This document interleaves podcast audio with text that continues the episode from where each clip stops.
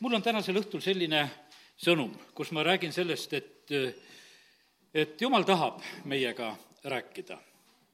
ja, ja see oli selle esmaspäeva hommikul ja olin nagu kaalumas, et kas lähen oma selliste päevategemiste juurde juba ja oli nagu tahtmine nagu minna, aga kogen oma südames sedasi, et, et issand ootab, et tema tahab minuga rääkida. ma muidugi võtsin seda kutset nagu kuulda ja rahunesin maha ja istusin maha, võtsin oma kaustiku ja, ja püüdsin hakata siis eh, lihtsalt seda sõnumit ka kirja panema, mida ma sellel hetkel ka sain. ja, ja tänasel õhtul ma nüüd jagan teile seda ka üsna pea. ja, ja sellepärast kiitus Jumalale, et Jumal räägib, ta räägib seda eh, väga mitmel viisil ja sellepärast, eh, kui ma selle mõtte juurde täna veel tulin, enne siia nüüd tulekut, siis panin nagu mõned kirjakohad, mis ma kõigepealt jagan teiega, on ka, kuidas, kuidas Jumal seda tegelikult teeb eks me teame sedasi, et Hebra kirja alguses on räägitud, et viimsel päevil räägib ta oma poja kaudu. räägib Jeesuse kaudu ja sellepärast on see väga õige, et me läheme, et issand, räägi meiega, täna püüdsin õpetada koolilapsi siin samamoodi ka, et julgustasin neid, et jumal kuuleb, jumal räägib. kui te küsite, jumal hakkab teiega rääkima, sellepärast et meie Jumal on rääkiv Jumal. meie Jumal on selline, kes on sõnaga selle maailma teinud, tänu sellele, et ta välja rääkis selle asja, on see maailm siin, tänu sellele, et ta on need sõnad välja rääkinud, see maailm püsib ja sellepärast on see väga võimas, et, et Jumal on tegelikult rääkiv Jumal. ja ja ta tarvitab küll oma prohveteid, ta on tarvitanud läbi aegade küll ingleid ja, ja, ja mitmel moel, kuidas ta püüab rääkida ja oma sulased, keda ta tarvitab ja, ja ja kes võib-olla seda rääkimist ei kuule, siis Rooma kirja algus ütleb sedasi, et nendel inimestel on see loodu, eh, mida nad peavad vaatama ja sellepärast osad inimesed peavad käima Egiptuses ja peavad käima Vitšil ja ma ei tea, kus koha peal nad kõik ära peavad käima, sest et need, võiks ütelda, et nad peavad igal pool käima vaatamas, sellepärast et ühel päeval need inimesed, kes on niimoodi paljudes kohtades käinud, nad ei saa ütelda seda, et jumal, me pole näinud, mis sa tegid. me vaatasime igast maailma nurgast selle üle, mida sa teinud oled. ja, ja sellepärast, aga jumal ütleb oma sõnas sedasi, et, et et tema tehtu oleks nähtav ja mõistetav, ehkki nad on seda kõike näinud. ja sellepärast Jumal ka tegelikult selle nähtava ja ilusa kaudu tegelikult tahab kõnetada ja nii, et kui ainult mõeldakse sellele eh, tema, eh, tema tehtu, tehtule. ja, ja kuidas Jumal räägib? väike Samuel, see käib väga otseselt nimepidi. Ma ei ei tea sedasi, et, et nüüd ütleme, et eh, kuidas meie täna saaksime ütelda, et me siin oleme, me võime, oleme siin võib-olla sellist nagu harjumust mööda, et meil on kolmapäev ja meil on jumalateenistus ja, ja, ja me tuleme. aga ma usun sedasi, et, et vahest on see inimestel ka selline täiesti selline isiklik ja selline selge kutse, millele sa absoluutselt vastu panna ei saa. ja, ja sellepärast on see nii, et, et ära nendele asjadele üldse vastu pane, kui jumal on juba otseselt rääkimas ja, ja lausa sulle võib-olla eh, vahest nimepidi. Eh, väike Samuel, kui teda jumal hüüab, siis ta ei oska veel kuulata, ta läheb hoopis vana Eeli juurde ja Eeli saab lõpuks aru. Ja Eeli õpetab teda ja see on väga oluline fraas, et issand, räägi, eh, sest su sulane kuuleb. Ja ta sai siis sellise väga olulise sõnumi mis hakkab varsti toimuma, mis hakkab toimuma just ka, ütleme, Eeli peres ja need sündmused, mis ootavad ees. no kui see poiss poleks neid lugusid kuulnud, no siis paneks teda asi väga ehmatama, sa tuled, eh, justkui jumala kotta, jumalat teenima ja varsti on käes see päev, kus, kus sa näed, et su ümber hakkavad hoopis halvad asjad sündima, eh, siis sa ühel päeval pead nägema sedasi, et, et pojad ja Eeli kõik surevad seal korraga ja, ja mõtled, no mis värk see on, et see pole küll õige värk. oli küll õige värk mille pärast oli õige värk, sellepärast et jumal rääkis temaga kogu aeg. E, jumal rääkis temaga niimoodi, et kogu Iisraeli ette tegelikult e, läks see sõnum. inimesed ümberringi hakkasid aru saama, et, et praegusel hetkel on sõnum tulemas jälle. sest et e, jumal ilmutas ennast, seal on öeldud sedasi otseselt, jumal ilmutas ennast oma sõna kaudu lihtsalt sellele väiksele poisile hakkas alguses see tulema, muidugi ta ju kasvas, ja ütleme, et aga see sõnum hakkas tulema ja kõigil oli tegelikult see eh, arusaadav, et, et jumal on tegelikult rääkimas.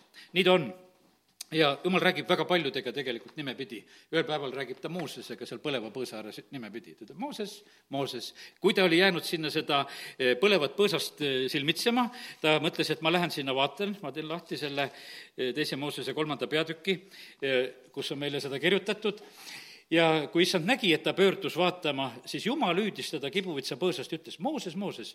ja tema vastas, siin ma olen. ma täna lihtsalt õpetan kõigepealt sedasi, et vaata, kui sa koged sellist, et jumal tahab sinuga rääkida, siis no reageeri mingisuguse vastusega. et ütle, et siin ma olen või su sulane kuuleb või eh, vähemalt anna nagu märku, et eh, ma olen kuuldel. ja, ja sellepärast, ja kui ta oli seda vastanud, siis ta saab juhised, et paik on püha ja võta jalatsid jalast ja, ja, ja siis ta saab tegelikult sellise sõnumi, mis puudutab tervet Iisraeli rahvast, eh, mis puudutab Jumala plaane. ja vaata, ja sellepärast on see täiesti selge, kallid. kui, kui Jumal hakkab rääkima, eh, siis ei ole see lihtsalt mingisuguse noh, ütleme test, et noh, et kas, kas liinid on korras tavaliselt me näeme sedasi, et jumal räägib sellepärast, et ta tahab päriselt rääkida, tal on sõnum. ta annab täiesti korraliku sõnumi ja, ja sellepärast oleme täna selles samamoodi selles usus, et jumal räägib ja ta räägib arusaadavalt ja, ja see on meile vajalik ja see on lausa meile õnnistuseks. uues Testamendis on Sakjus seal, eks, Luuka üheksateistkümnendas peatükis meile räägitud lugu ja, ja siis on nii, et kui eh, Jeesus läheb sealt Jeerikost läbi eh, ja jõuab sinna ühe puu alla, siis on selline lugu, et seal puu otsas on mees ja, ja kui Jeesus jõudis sinna paika, Luuka üheksateist viis, eh, vaatas ta üles ja ütles temale, Sakjus, tule kiiresti maha, sest täna pean ma jääma sinu kotta.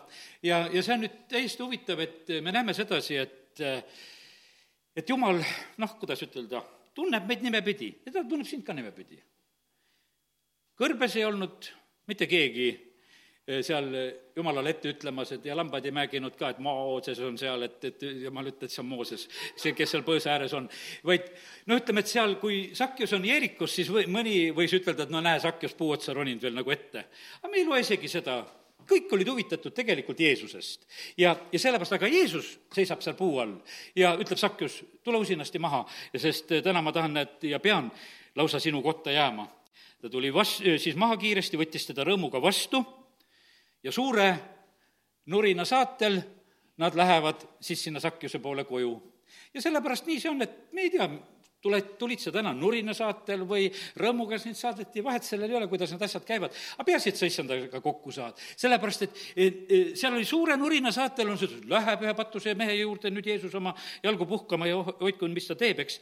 ja, aga nüüd on nii, et me näeme sedasi, et tulemus sellel korral on see niimoodi, et see ei ole selline, võiks ütelda, nii üldrahvalik, et, et suured sõnumid, mis hakkavad jumala riigis sündima. seal tegelikult juhtus nendele inimestele head, kes olid Sakjusega tuttavad või vähemalt elu jooksul juba kokku puutunud.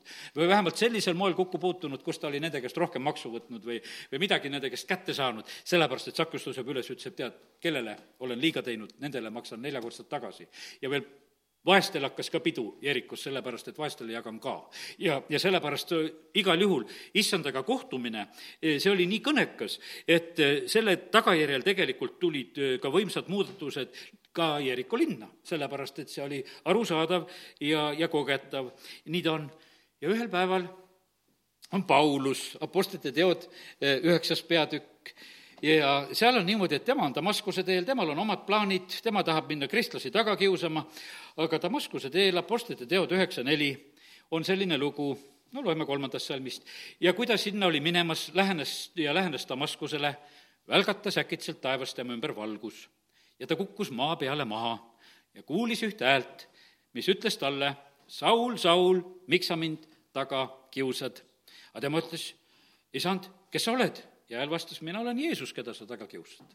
ja samamoodi, vaata, issand räägib, eh, räägib talle väga otseselt nimepidi, räägib sedasi, et kuule, et sa oled minu, minu kiusaja ja, ja sellepärast sul ei lähe mitte sugugi hästi.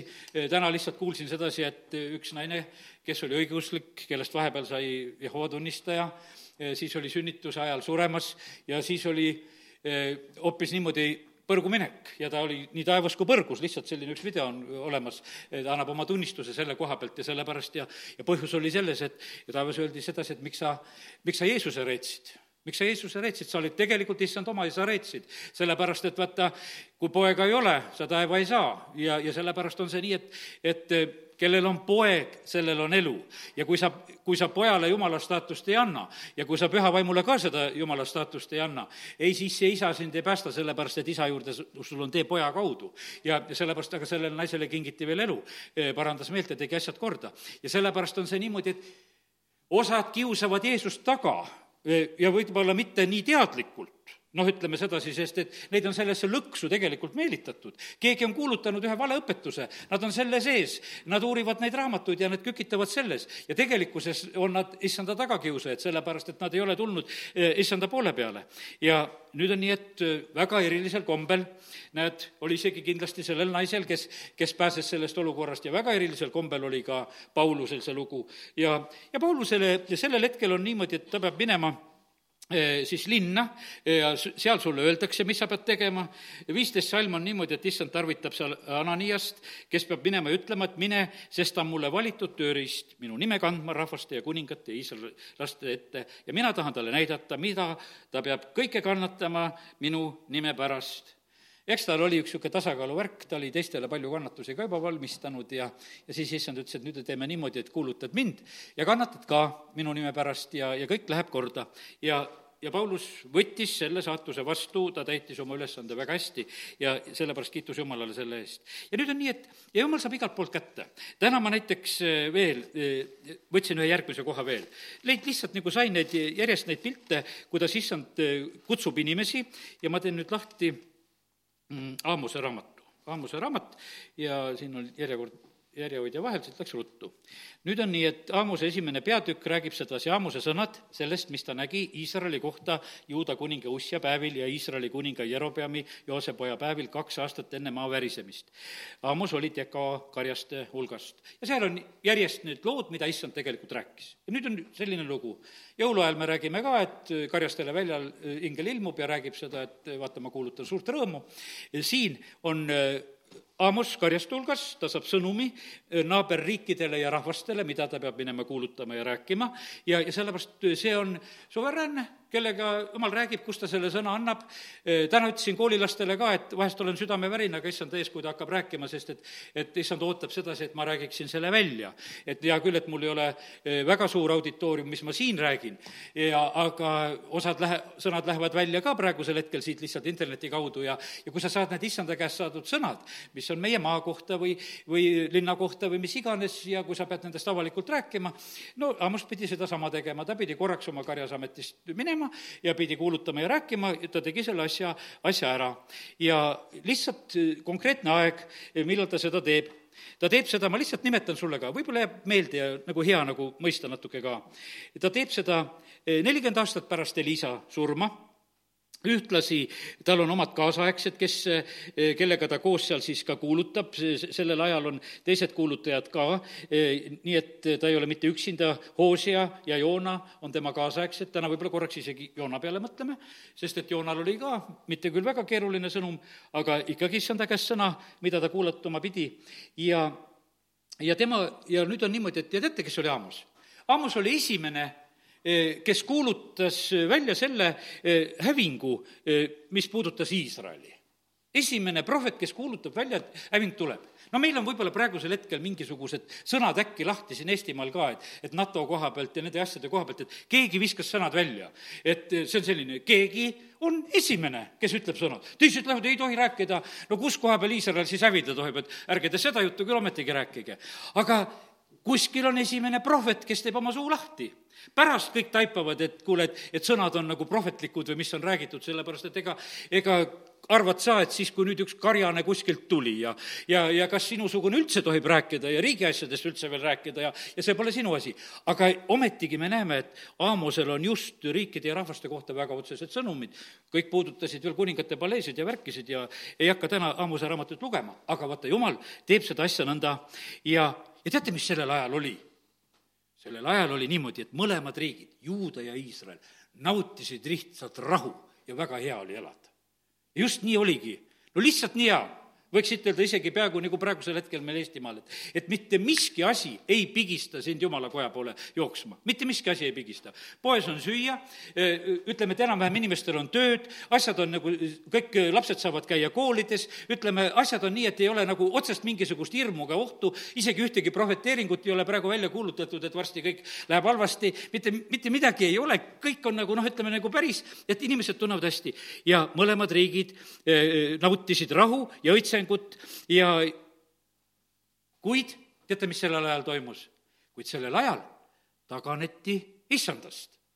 seda oskasid mõlemad riigid sellel ajal teha, nii Juuda kui Iisrael. hea oli olla, aga no ega issandat ka siis väga vaja ei olnud, sellepärast et noh, see oli periood, kus saadi ka eh, siis nagu niimoodi ka hakkama. aga vaata, jumal räägib jumal räägib isegi siis ka, kui on nauding ja on kui hea ja, ja kõigil on tore eh, mõelda, et eh, asjad on päris hästi, aga ta hakkab ikkagi rääkima no prohvet Joona, ma teen selle raamatuga lahti, see on ainult piiblis kümme lehekülge edasi keerata, Aamose raamatust, kui sul on piibel, siis on lihtne teha.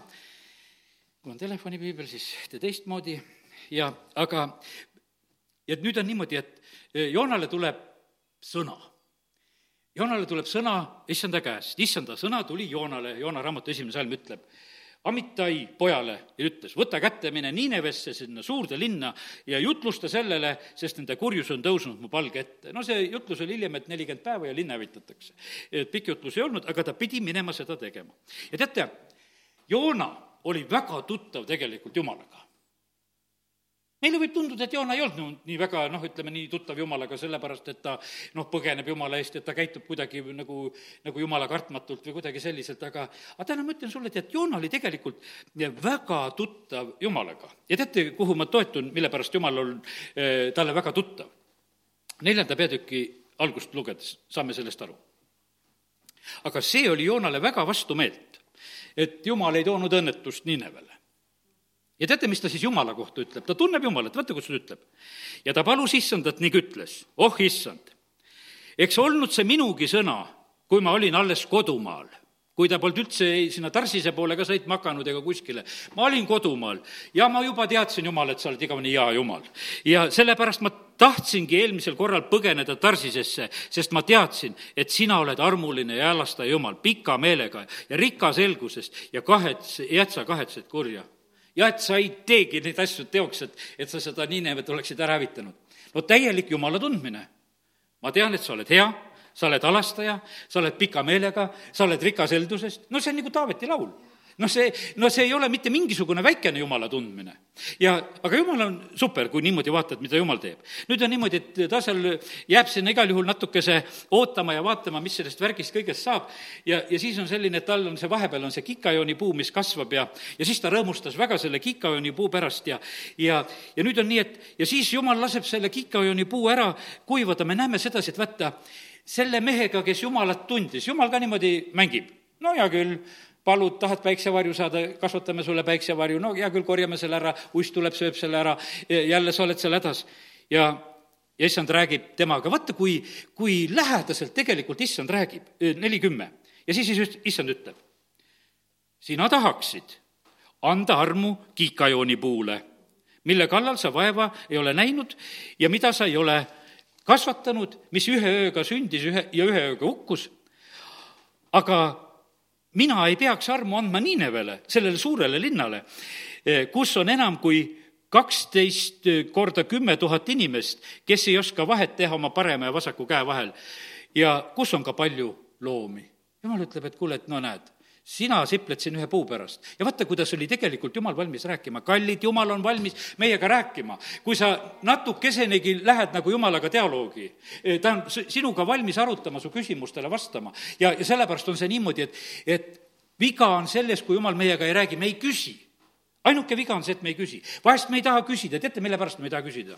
sest me arvame, et milline jumala otsus võib juba tulla. sest me juba natukese tunneme seda jumalat ka nagu Joona moodi, et ma ju teadsin, et sa niisugune oled. ja et noh, hakka su käest küsima ka veel, noh siis peaks nagu päriselt tegema. aga alguses saad nagu teeselda, et ma ei küsinud ja noh, tegelikult ma lihtsalt, näed, jumal, sa ei juhtinud ka mind ja, ja sellepärast ma niimoodi tegin ja, ja niimoodi ma elan. aga kallid, jumal tahab rääkida ja jumal tegelikult ootab seda, et, et meie temaga suhtleksime, ta on tegelikult väga, väga tähelepanev nägemas eh, seda, eh, kuidas inimesed temaga käituvad.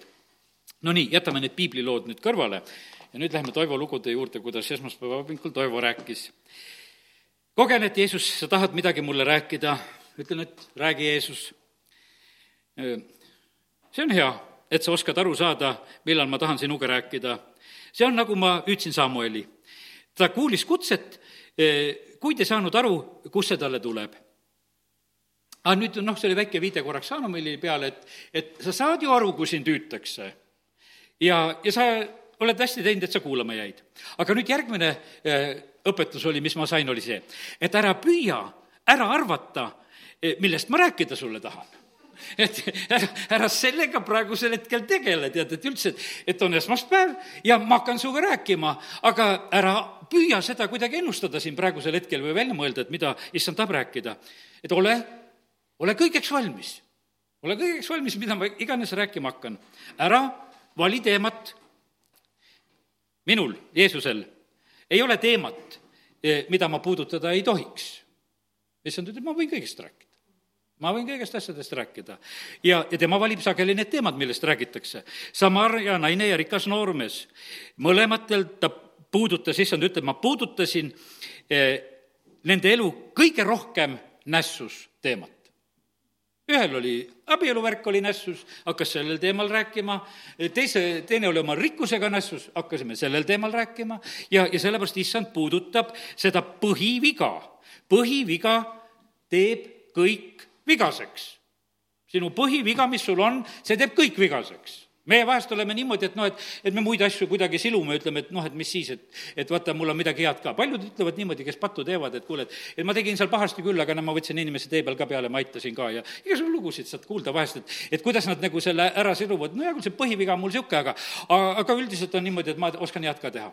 ja me, me tegeleme asjadega vahest nii, aga põhiviga teeb tegelikult kõik vigaseks mina kõrvaldan peamise põhjuse ja, ja ka kõiges muus tuleb siis vabadus.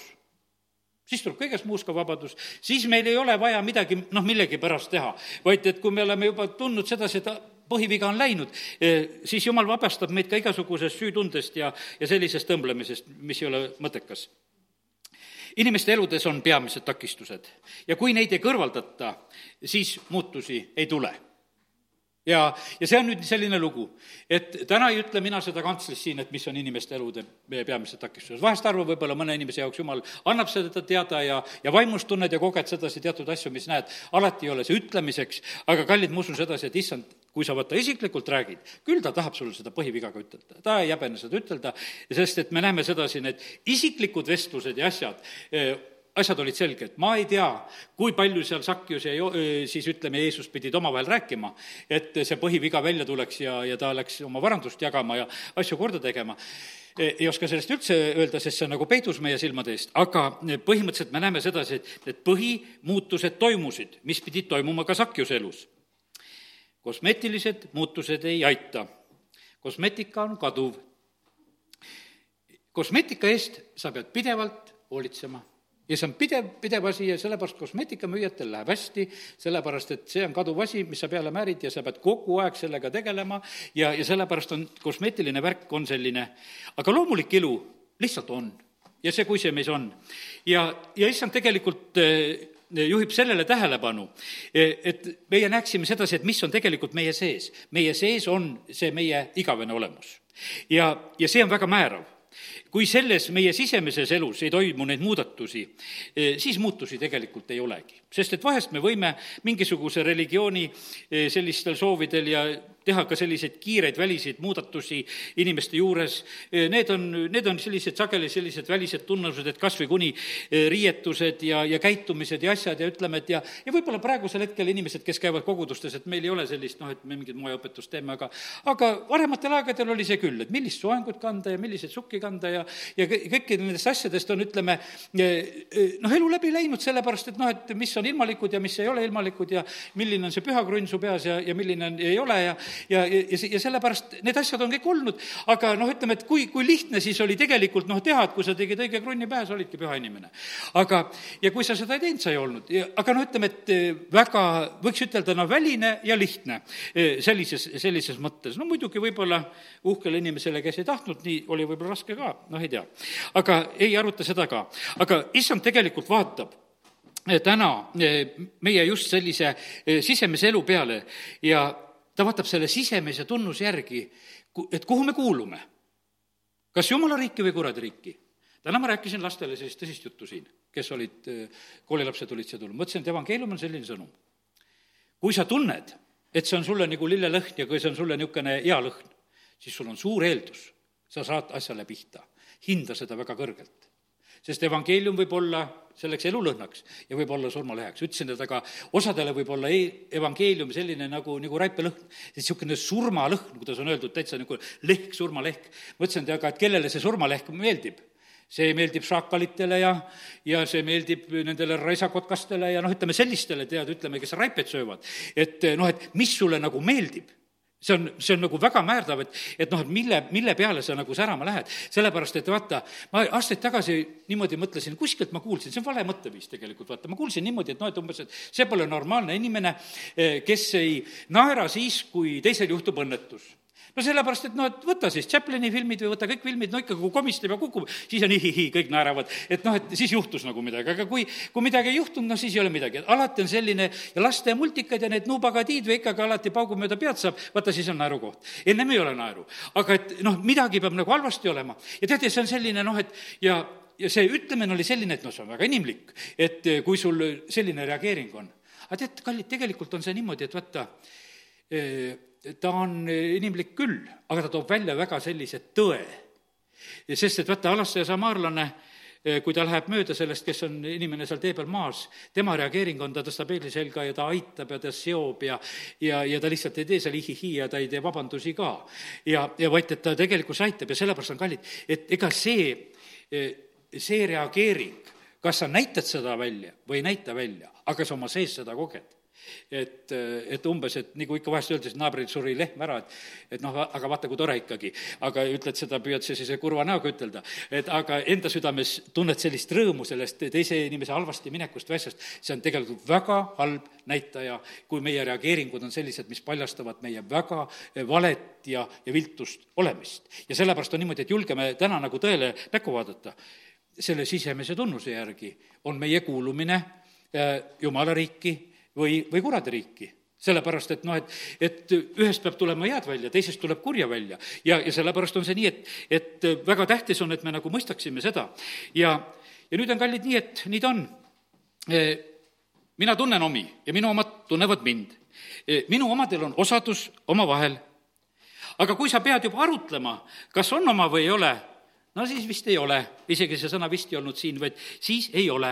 aga ma küsisin järgmise küsimuse nagu, aga issand, aga miks oli sinu jüngrite hulgas niimoodi? oli Juudas ja mitte keegi aru ei saanud. ja teate, millise huvitava vastuse ma sain? miks teised ei tundnud tema olemist, siis Juuda olemist? sellepärast, et nad ei tegelenud selle probleemiga, nad ei tegelenud temaga. Nad usaldasid minu valikut, Juudas ei olnud nendele ohuks, nad ei nad järgisid mind, mitte Juudast. ja Juudas ei meenitanud ka mitte kui kedagi enese järgi. ta tegutses üksinda. ta oli endale ohtlik ja mitte teistele ohtlik. Juudas oli selline ta ei tõmmanud kedagi kampa, et kuule, et varastame koos ja teeme koos ja müüme Jeesuse koos maha ja ta, ta ei kutsunud mitte kedagi, ta tegi üksinda, vaikselt käis, teiste ees oli kõik tubli poiss, oli selliselt käitus ja ta ei olnud sellepärast absoluutselt teistele ohtlik nii et sellepärast issand ütles seda, aga et, et mul ei olnud mitte mingisugust põhjust. Juudas ei eh, noh, ütleme sellist ohtu ei valmistunud otseselt. ja aga nende eest, eh, kes olid teistele ohtlikud, ma hoiatasin, no näiteks variserid, haputaigen. Nemad levitasid oma valet ja valel on mõju nagu igal seemnel ja see kasvab ja, ja sellepärast, kallid, nii see on, et me peame seda ka mõistma sedasi, et äh, kuradi tööriistad on ikka samasugused, valede isa, ta valetab ja teeb, ta teab, et valedel on mõju ja, ja ta levitab seda ja sellepärast ärme laseme äh, valedele enda eludes nagu mõjuda.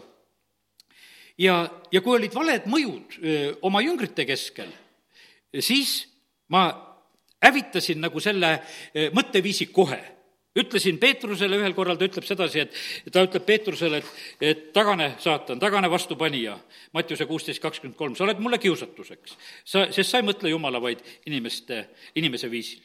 ja sellepärast ta ütleb kohe sedasi, et, et sa oled mulle kiusatuseks, ütleb issand sa täitsa kiusad mind praegusel hetkel, et ma ei peaks seda kannatuse teed minema. ja, aga sa oled vastupanija praegusel hetkel ja ta ütleb talle, et tagane. ja ta teeb selle kohe. ja kui, kui Juudas arvustas seda Maarja nardisalvi, siis sekkus ka kohe ju tegelikult Jeesus. ta ütleb, et jäta naine rahule, et ta seda hoiaks minu matmise päevaks. vaesed on alati teie juures, kui tahate aidata, Jeesus tõmbas kähku sellele jutule lõpu, sellepärast et põhimõtteliselt olid niimoodi, et, et Markuse evangeeliumis on öeldud sedasi, et see mõtteviis, mida sellel hetkel Juudas välja tõi ja, ja mille, mida siis noh, ütleme, Peetrus välja tõi, need mõtted ju meeldisid teistele ka teised tõrelesid ka naisega, on öeldud Markuse evangeeliumis, selle ohvri pärast. ja ma ei tea, see on nagu lõpp on Johannese evangeeliumis niimoodi, et umbes, jätke ta rahule, et hoiaks seda oma matmispäevaks. et kas seal oli siis plaan, et noh, korjame nii, nii palju veel seda kokku, kui saab ja müüme maha, et midagi ikka saab, et võib-olla täit hinda enam ei saa, sest et juba ampull on puruks löödud. aga, aga noh, materjal on ju enamuses järgi ja et lõpeta see kallamine. aga me näeme sedasi, et Jeesus sekkub ja laseb selle, selle vale mõtteviisi kohe seal põhja ja, ja, ja mitte kuidagi häbenedes, vaid ta teeb seda, ta teeb seda väga, väga julgelt ja lükkab selle jutu lihtsalt ümber. ja näed, need valed mõtteviisid leiavad eh, kohe toetust. valed mõtteviisid leiavad kohe toetust ja sellepärast äh, siin selles on, äh, vaenlasel on lihtne vahest inimeste hulgas tegutseda, sellepärast et levita vale, sa leiad endale selle valega lihtsalt kaaslasi ja ja, ja see on selline lugu. järgmine lugu, millele viitan, on näiteks selline, et, et Sebedeuse poegade ema äh, on selline, kes tuleb Jeesuse juurde ja tal on igatsus, et tema pojad, Joha-, Jakobus ja Johannes, võiksid siis olla üks paremal ja teine vasakul käel ja ta tuleb nii vahvalt seda küsima, et, et et õpetaja, me tahame, et mida sa meile teeksid, mida me iganes palume, väga suure usuinimesena, et, et mis mul iganes täna palve tuleb, et need asjad peavad iganes sündima ja sellepärast, kallid, nii see on, et, et me näeme, et Jeesus küsib siis ikkagi selle koha pealt, et aga noh, mida te tahate, et ma teile teeksin ja, ja siis nad räägivad välja, et ema soov oli see, et üks oleks paremal käel ja teine vasakul käel selles isa kuningriigis või kus, kus nad nägid, et mingid tähtsad asjad hakkavad sündima. ja teate, mis see on öeldud? kõik kümme said pahaseks see puudutas neid. Nad kõik tahtsid olla paremal ja vasakul käel. sest et vaata, see on niimoodi, et, et noh, nagu laste kasvatamine, tead, tead, kui midagi juba räägid, et eh, millegile tähelepanu juhid, siis teisel on ka seda tarvis. kui suudad selle vaikselt ühele kätte toppida, siis on niimoodi, et võib minna nii, et teisel seda tarvis ei ole. aga kui sa sellele juba välja rääkisid ja tähelepanu juhtisid, siis teisel on, aga mulle ka. ja, ja, ja sellepärast on see nii, et olid need jüngrid kõik ühesugused ja, ja oli samasugune probleem, no Jeesus õpetab neid seal ja ma selle õpetuse juurde ei lähe, aga ma lihtsalt räägin sedasi, et vaata, kuidas nakkab. No vaata, kuidas nakkab. lihtsalt üks selline ühe emmekese küsimus ja, ja terve rahvas ära pahandatud, kõik Jeesuse jüngrid no ma ei tea, need kümme olid pahased, need kaks olid seal kuidagi noh, ka kindlasti mitte väga mugavas positsioonis. no näed, kuidas asjad, asjad nagu sünnivad. ja, ja siis on veel üks selline, üks selline nakkamine on selline võib-olla, kui Peetrus ütleb, et et kui kõik sinust taganevad, ei tagane mina ilmaski, eluilmaski. ja, ja siis on Mattiuse kakskümmend kuus kolmkümmend viis veel, Peetrus ütles talle, kui ma peaksin ka koos sinuga surema, ei salga, eh, mina sind ei salga mitte. sedamoodi ütlesid ka kõik teised jüngrid. jälle nakkas Jükk hakkas kiitlema, et äh, ei tee. ja teate, muideks, ei ole lihtne äh, jutuajamistes oma seisukohta säilitada ma alles hiljuti ka, samamoodi, tullakse, räägitakse, sa pead nii tegema, sa pead naa tegema, umbes nagu sõnu pannakse isegi lausa suhu, et tee nii, nii, nii, nii, tead, ja ma kuulan ja kuulan ja tead, ja olen juba mures sedasi tegema kogemata mm, -hmm, ei tee, tead, seal jutu sees, et, et oleks nagu selle supi kõik alla neelanud, mis mulle siis püütakse nagu panna ette. Ja ei, ma siis ühel hetkel ütlesin, et ei, et arvesta sellega, et ma ei tee selle järgi, mida praegusel hetkel me siin räägime, et lihtsalt väljendan ennast väga se-, selgelt, et issand, et see jutt jääb jutuks ja, ja see sinna jääbki. et ma selle asjaga absoluutselt edasi ei liigu.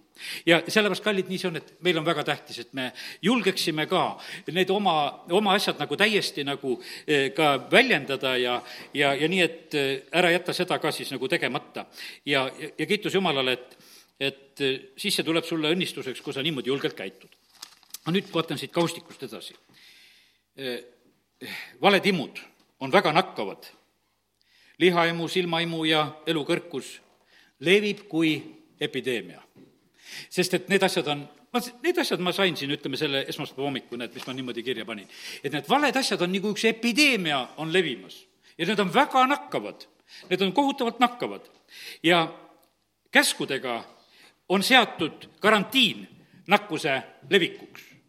Vana-testamendi käsud seal, teise Moosese kakskümmend on lihtsalt nagu karantiin, et silt ukse peal, et praegusel hetkel külastamine keelatud, praegusel hetkel on lihtsalt nagu tõkestatud midagi, sellepärast et käsk püüab tegelikult lihtsalt tõkestada, et, et need valed asjad ei leviks.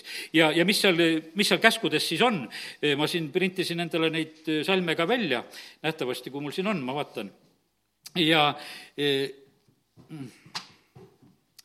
ja, ja.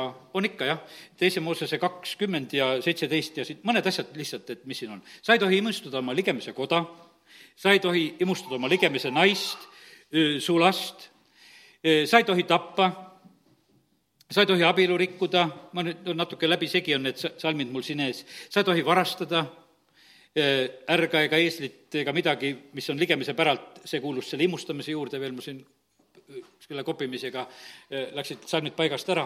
aga noh, ütleme, et need asjad olid nagu nimetatud, et mille kohta pandi see nagu see karantiin peale, et, et neid asju me praegusel hetkel lihtsalt eh, takistame. ja, ja seda just otseselt nagu sellise eh, käsuga. ja, ja nüüd on nii, et eh, ja see on väga, väga vajalik, et selline, selline takistus on ka pandud. ja nüüd nii, et käsk püüab natukese takistada, aga aga armastus hävitab täielikult nakkuse ja see tuleb kinni püüda ja, ja, ja, selle, ja armastus äh, hävitab äh, täielikult äh, nakkuse. sellepärast, et vaata, armastus teeb niimoodi, et ei ole seda karantiini ka vaja. sellepärast, et armastus suudab nagu selle asja täiesti ära lahendada. teate, kus see kirjas on nii hästi? see on Rooma kirja kaheksandas pea, või vabandust, lõpus kolmeteistkümnendas peatükis ja kas kaheksateistkümnendas salmis, ma teen selle eh, koha, tahan lahti teha, eh, kus Apostel Paulus kirjutab, et, et kuidas tegelikult eh, käsku täidetakse armastusega. kolmteist ja, ja kaheksa ärgu olgu teil ühtki muud võlga kellegi vastu, kui ainult võlg üksteist armastada, sest kes armastab teist, on seaduse täitnud sest käsk, sa ei tohi abielu rikkuda, sa ei tohi tappa, ei tohi varastada, sa ei tohi imustada ja mis tahes muu käsk on võetud selles, selles kokku selles sõnas, armasta oma ligemist nagu iseennast. armastus ei tee ligemisele kurja. nii on siis armastus seaduse täitmine. ja vaata, nüüd on see, pane tähele sedasi, et armastus on täitmine. ütleme, Vana-testamendi käsk ütles lihtsalt, et ära tee umbes nagu mingisugune tara on ümber pandud, et ära vahi, ära imusta, ära tee, ära tee sedasi. aga nüüd on öeldud, Uues Testamendis ütleb eh, sõna meile väga selgelt sedasi, et, et armastus on käsu täitmine. armastus on tegelikult väga, väga kõrge asi, siit võiks hulga salme eh, leida sõnast veel, eh, noh, mis toovad seda, Paulus tõmbab seda väga hästi lahti, no kuidas on nagu ütleme, see armastuse roll on nagu võimsalt tegelikult meid aitamas ja just seda, seda näk-, nakkust ka siis nagu hävitamas. no aga ma jätan praegusel hetkel need salmid välja, ei ole siia välja toonud, endale otsima ka ei hakka rohkem. Rist Johannese juurde lähen järgmiseks. Rist Johannes on selline mees, kes peab tundma rõõmu Jeesuse tõusmisest. ta on kutsutud viimaseks prohvetiks, ta kuulutab, räägib, aga ta peab tundma rõõmu teise edust. Rist Johannes pidi eh, tundma rõõmu minu häälest, ta pidi tundma rõõmu minu tegudest. Rist Johannes ei saanud teha mitte ühtegi imetegu, sest ühtegi imetegu ma ei loe ta ainult ristis inimesi, see oli tema, tema selline asi ja seal käib seal, ütleme, ütleb selle Herodesele eh, lihtsalt, kuidas elama peab ja õpetab neid asju. aga absoluutselt, tal olid omad jüngrid, ütleme, et tal oli selline elu, mis tal oli, ta pidi leppima sellega see on kui teatejooks.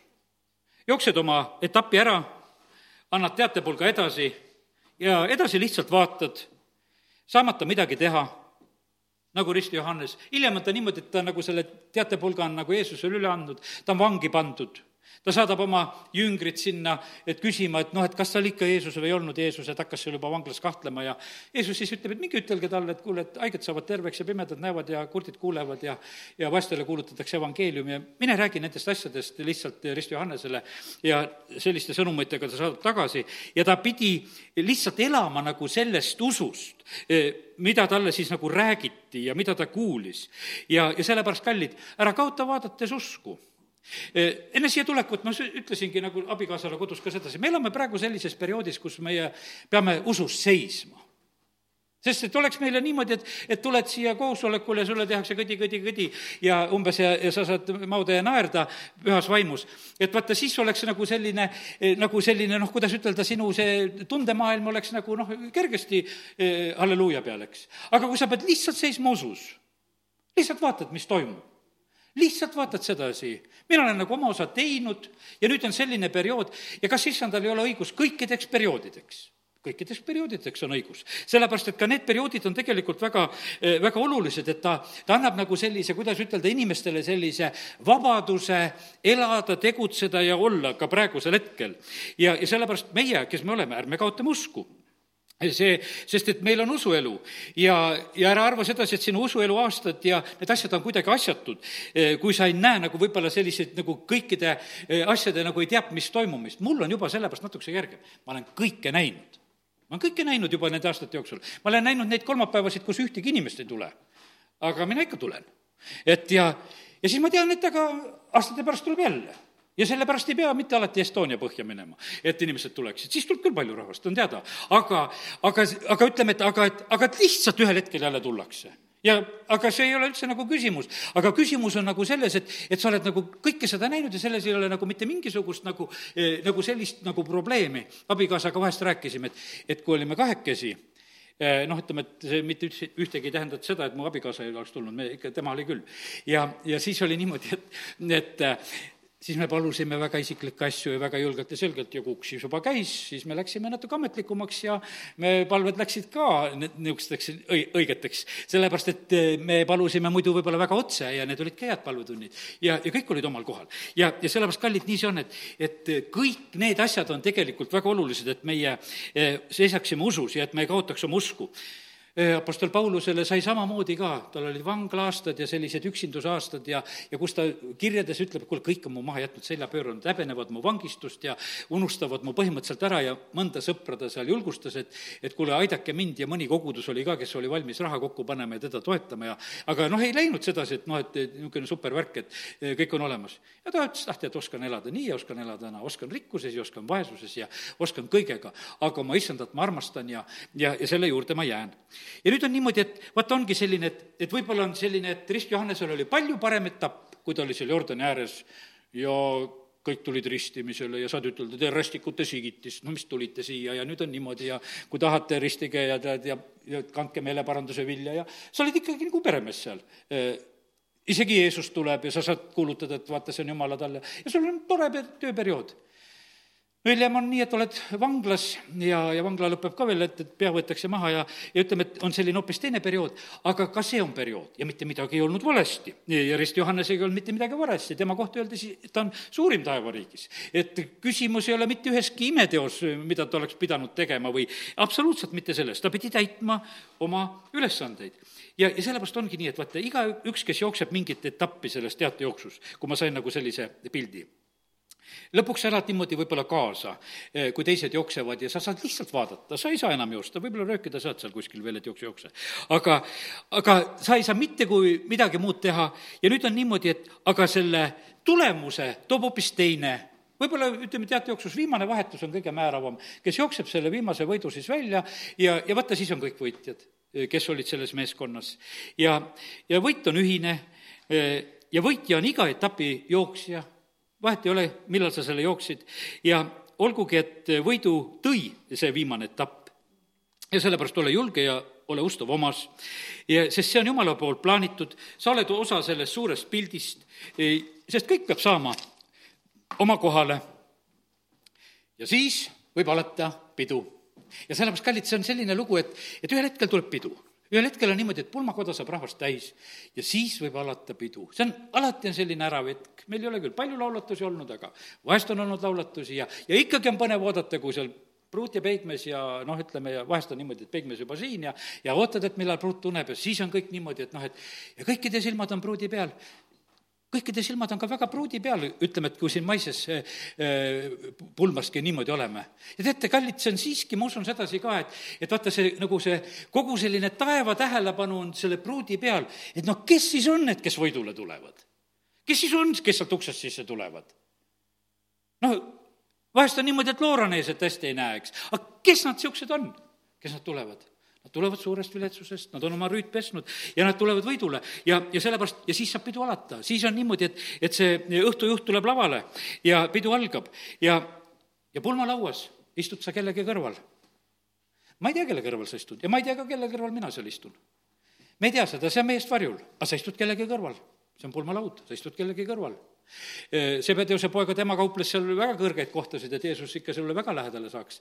aga me ei tea, kus me istume, aga me istume kuskil. ja sellepärast, kallid, hindame neid ka, kes on meie lähedased teelised praegusel hetkel siin. hindame, hindame neid ka, sest need on tegelikult meile väga olulised. Jeesus hindas väga oma lähedasi kaaslasi. ta ütles, et palvetage koos minuga. no kas ta üks tund jaksaks minuga koos palvetada? Jeesus hindab väga kõrgelt, sest et kaheteistkümne apostli nimed lähevad taevas uude Jeruusalemma kirja ja, sellepärast need on väga kõrgelt hinnatud mehed. ja ta oli maa peal nende kaheteistkümnega, võiks ütelda natukese loruga koos, kes seal magama jäid, kes ei viitsinud sellel hetkel nagu tähelegi panna, mis on nagu päriselt toimumas, eks see vaimne surve oli ka väga suur, me näeme sedasi, et Jeesus ei süüdistanud, sellest, et see kohutav põrgurünnak, mis oli Jeesuse peale, arvad sa, et, et nad siis seda tunda ei saanud? Ja sellepärast, eks me koguduses saame ka, kui põrguväed on rünnakul, eks siis on seda tunda, et äh, raske on. ja sellepärast, aga pea vastu, ära, ära ole sellest nagu häiritud. Ja, ja mõtle selle peale tegelikult, et noh, meid ootab ees. Äh, see pulmalaud, meid ootab see eh, aeg, kus me tegelikult astume sellest usust nägemisse ja, ja see on niimoodi seatud, et me oleme siin selles ajas, oleme omas geograafias ja issand tahab kõiki meid enese juurde võtta ja, ja sellepärast on see niimoodi, et, et meie me peame selleks asjaks olema valmis. ja viimane selline mõte ja näide, mis ma sain veel tänaseks, oli see, et, et vaata, see tähendamise sõna, kus Jeesus räägib eh, nagu seda, et eh, suurest pidusöögist, see on Luka neliteist ja viisteist kuni kakskümmend neli. sain nagu selle tänaseks õhtuks ka veel, et lihtsalt juhin tähelepanu sellele, hoiatav tähenda, tähendamissõna. suured asjad, noh, on nagu sündimas, aga tähtsam läheb mööda eh, nende tähtsusetute asjadega, mis on siin elus, põllud ja härjad ja abielud ja ja, ja see, selle pildi Jeesus räägib tegelikult eh, väga otseselt, ta ütleb sedasi, et Luka neliteist ja viisteist sealt edasi.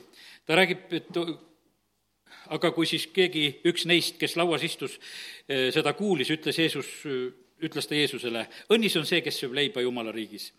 Jeesus ütles talle, üks inimene tegi suure pidusöögi ja kutsus paljusid. pidusöögi alates läkitas ta oma sulase kutsutile ütlema, tulge, sest kõik on juba valmis. aga nemad hakkasid kõik nagu ühest suust vabandama. esimene ütles talle, ma olen ostnud põllu ja pean tingimata minema seda vaatama. ma palun sind, vabanda mind no lihtsalt inimene on igavikus, usume, et õndsas igavikus, aga ma tean sedasi, ta ei saanud käia koguduses, sellepärast et kui ta aiamaal tulid õunad, õunapuu otsa, siis ta kogudusse tulla ei saanud, ammugi ei olnud siis internetti ja ülekandeid asju. tema pidi nii kaua valvama, kui need õunad olid puu otsast ära korjatud, sest äkki keegi tuleb, varastab ära, kui ta istub siin sel ajal. ja ta ei saanud tulla, ei saanud käia jumala teenistusel ja ta ütles, et kuidas ma tulen, et ma pean ikka oma õunakesi valvama. Ja ta valvas neid, ma olen põllud ostnud ja ma pean tingimata neid vaatama aga tead, see on nii narr, tead, et lõpuks on niimoodi, et, et kui sa oled issanda ees, et mul oli siin Võru lähedal üks suvila ja seal oli mõni õunapuukene ja ma pidin ikka neid valvama seal. kus me niisuguse jutuga läheme? mõtlen, et kui, kui taeva peaks saama, siis on häbi rääkida, et meil olid mingid õunapunnid olid ka. aga, aga et küsimus on selles, et, et aga inimesed võtavad tõega tegelikult neid asju ja niimoodi see saab vastuse. ja nad hakkavad ühest suust vabandama teine ütleb, et ma olen ostnud viis paari järgi ja lähen neid proovima. noh, ütleme, et hea küll, meil nähtavasti mingisuguseid jahtisid ega kaatreid ja asju siin ei ole, siin Tammula järve vaatasin, ühel on mingisugune mastiga laevakene sinna gaasitehase juurde pandud ka, aga üldiselt meil ei ole neid. sest aga osadel ma mõtlen sedasi, et vaata nende rikaste randasid kuskil, kus on siin selles maailmas, need jahid ja värgid ja mis on, eh, mis asjad need on ja, ja vaata neid Dubaisid ja kohtasid ja kuidas on seal ilus, noh, ütleme, muusikasaatel need purskkaevud töötavad ja silmale, kui palju seda inimlikku elu on tehtud, et, et milles, milles nad nagu elavad, sest nad on midagi ostnud. mul on, mul on need autod, mul on need asjad, mul on need kõik, mul on need ATV-d, mul on need kõik, no kui sul on ATV, no sa pead ju kuskil mööda metsa sõitma sellega pläristama, sest mis ta sul muidu on, tead, eks. sa pead nüüd tegema ja sõitma ja, ja sa ei saa ju niimoodi tee peal sõita, sa pead iga kuskilt üle muru ka sõitma ja, ja nad teevad seda linna sees ka täpselt samamoodi, vahest vaatad sedasi, et, et noh, et kui sul on juba niisugune ja sa pead, ma olen need ostnud ja ma palun sind, et vabanda mind. noh, ja siis on osad on veel niimoodi, et ma olen äsja võtnud naise ja ma ei saa sellepärast tulla. vanas testamendis oli niimoodi, öeldi, et kui sa olid naise võtnud, siis sa pidanud sõtta minema aga kogudusest vabastatud ei olnud. et see ei olnud, et sa sünagoogi minema ei pea, et sul naine on. et ei, siis sa tulid koos naise ja lapsega ja lasid lapsi seal ümber lõigata, igasugu asju, kõike, mis tehti, vahet ei olnud sellel. et ütleme, et see, see, see asi oli hoopis teistmoodi. aga, aga me näeme sedasi, et Jeesus ütleb, et aga et on tõeliselt need, kes ütlevad sedasi ka, ma olen äsja naise võtnud ja seepärast ma ei saa tulla. sest ilus elu vajab ülesehitamist, et kuidas kõik hakkab olema sest mu köögid ja, ja mu korterid ja mu asjad ja me muudkui peame neid tegema. eks kuule, need asjad kaasnevad ja need peavad nagu olema ka, aga kui, kui me nagu selle nimel vahest teeme nagu selliseid tagasilööke, et jumal, praegusel hetkel äh, tõmba natukese kõrvale, sest et mul on praegusel hetkel tegemist. ja teate, mis siis on öeldud edasi? ja sulane tuli tagasi ja teatas oma isandale, siis kojaisand vihastas ja ütles oma sulastele, mine kohe välja linna tänavatele ja teedele ja too siia vaeseid ja küürakaid ja pimedaid ja jalutuid. ja Solan ütles, isand, nõnda nagu sa käskisid, on tehtud, aga veel on ruumi, minge veel välja aedade äärde ja keelita rahvast sisse astuma, et minu koda saaks täis. ja ma ütlen teile, et ükski kutsutud meestest ei saa minu pidusööki maitsta. kui ma täna lugesin seda tähendamissõna, teate, ma sain ühe ilmutuse teate, mille pärast on lõpuaegadel ja mis on räägitud ka Eesti kohta sedasi, et, et ka ema, ema ihust vigased saavad terveks? Sest lõpuaegadel kutsutakse need vigased sisse. vaata, see viimane ärkamine, kui minnakse kutsuma, ega nad sinna vigastana sinna pulma ei lähe. Nad tehakse terveks minge tooge neid vigaseid ja jalutuid ja kõike ja need lähevad pulmariidesse ja, ja, ja sellepärast on see niimoodi, et e, meil on kuulutatud ja räägitud, Eestimaal tuleb ka samamoodi see ärkamine ja see puudutab just niimoodi selliseid inimesi, need, kes on arvanud sedasi, et noh, et tead, praegusel hetkel aega, me näeme, et issand ütleb sedasi, et, et ma jätan need kutsutud, jätan kõrvale. ja ma võtan praegusel hetkel neid, keda ma lihtsalt võtta saan, aga mu pulmakoda saab täis, pidu tuleb ja see on väga hästi. ja siis ma äh, nagu sain veel sellise mõtte, et aga et issand ütleb, et olge valmis. ma ütlesin, aga mida see tähendab? ja ta ütles, ma annan sulle nagu selle sõna ja selle sõna, mis ma nagu selle koha pealt nagu sain, et, et see on nagu, see on nagu inimesed, kes on näiteks ennast Kaitseliiduga sidunud see on niisugune vabatahtlik valmisolek. või noh, ütleme, et just see, no jätan selle Kaitseliidu ainult, mitte kedagi siia juurde ei too. ma olen teinud vabatahtliku selle eh, ütlemise, et mina olen nõus, noh, ütleme, et kui on vajadus, mina olen olemas ise, ise teed selle valmisoleku, mitte sa ei ole see niisugune sunnitud kutsealune, et umbes, et sa pead tulema, et sul on niisugune vanus ja aga ei, ma olen see, kes ma olen valmis. ja sellepärast, kallid, issand ootab tegelikult seda, seda mobiliseeritust ja, ja valmisolekut ja, ja sellisena ta tegelikult tahab, tahab oma rahvast näha. ja vaata, selline oligi see mu esmaspäeva hommikune jutt, mis ma issandas olin. ja, ja sellepärast kiitus Jumalale, et ta räägib. ja see on mulle endale õnnistuseks ja ma usun, sulle ka. aamen, tõuseme isa, ma tänan eh, ka selle sõna eest, et sa ikka räägid. isa, kiitus ja tänu ja ülistus sulle. ja, ja tänu sulle, Jumal, et eh, me võime praegusel hetkel lihtsalt olla siin avatud südametega sinu ees ja me võtame vastu need hoiatused. jumal, me täname sind, et sa hoiatad meid selle koha pealt, et, et nii paljud asjad on, mis tegelikult tahavad meid eksitada ja, ja kuidas vaenlane vahest nende valede mõtteviisidega saab nagu kaasa haarata. aga me, Jumal, me täname sind, et me võime tulla sinu juurde. ja, ja kui me vaatame sinu peale, Jeesus, sa oled see tee ja tõde ja elu ja siis me ei eksi. ja, ja sellepärast kiitus ja, ja ülistus ja tänu sulle, et me oleme täna võinud jälle oma mõtteid ja meeli siin, sinu ees nagu värskendada siin. ja me saame, täname sind, et eh, ma usun, et taevas on saanud tänasel õhtul meile armsamaks. Eh, see pulmakoda ja see igatsus on meile saanud lähedasemaks ja me saame nagu täiesti normaalselt vaadata nende asjade peale, mis on meie elus. jumal, ma tänan sind, et sa ei jäta meid häbisse, et meie kõikide kodud ja majad ja, ja, ja pered ja kõik kasvavad ja asjad edenevad, kes me, Jumal, sind teenime. sest Jumal, sina oled see, kes sa meid õnnistad. Jumal, me täname sind, et sina annad meile selle sünergia, et siis ei ole enam see kaks pluss kaks, kaks, vaid et see on viis. sest sina oled meiega koos meie tulistes ahjudes ja, ja sa oled meie põldudel ja sa oled igal pool ja sa oled õnnistamas ja, ja, ja sa oled aitamas. ja ma tänan sind, Jumal, et me oleme võinud tänasel õhtul võtta selle aja aja, eh, kus me oleme nende mõtete juures olnud, isa, eh, kiitus ja ülistus sulle. ja isa, ma tänan sind, et sa räägid ja ja kui meie elus on neid nässusteemasid, kus me asi on täitsa nässus ja jumal, pane julgelt see sõrm meie nässusteemade peale. ja las, las saavad need kõrvaldatud, las saavad need paljastatud, need asjad. ja isa, me täname sind, et sa oled tulnud siia sellesse maailma oma poja kaudu meid sellest maailmast välja armastama ja päästma ja terveks tegema ja, ja meie elusid korda tegema. isa, me täname, kiidame, ülistame sind eh, kõige selle eest. Ja kallis püha vaim, ma palun, et kogu see sõnum, mis on tänasel õhtul olnud, et las see kannab ühte head vilja. Ja isa, me õnnistame samuti ka neid inimesi, kes praegusel hetkel on oma põldudel ja, ja kes on oma vankrite juures ja, ja, ja kes on oma eh, naise juures ja kus iganes, kus on nad takistatud, aga, aga jumal, me täname sind, et me tohime paluda seda, et ärata veel ennem, kui hilja on. isa, kiitus ja tänu ja ülistus sulle Jeesuse nimel, amin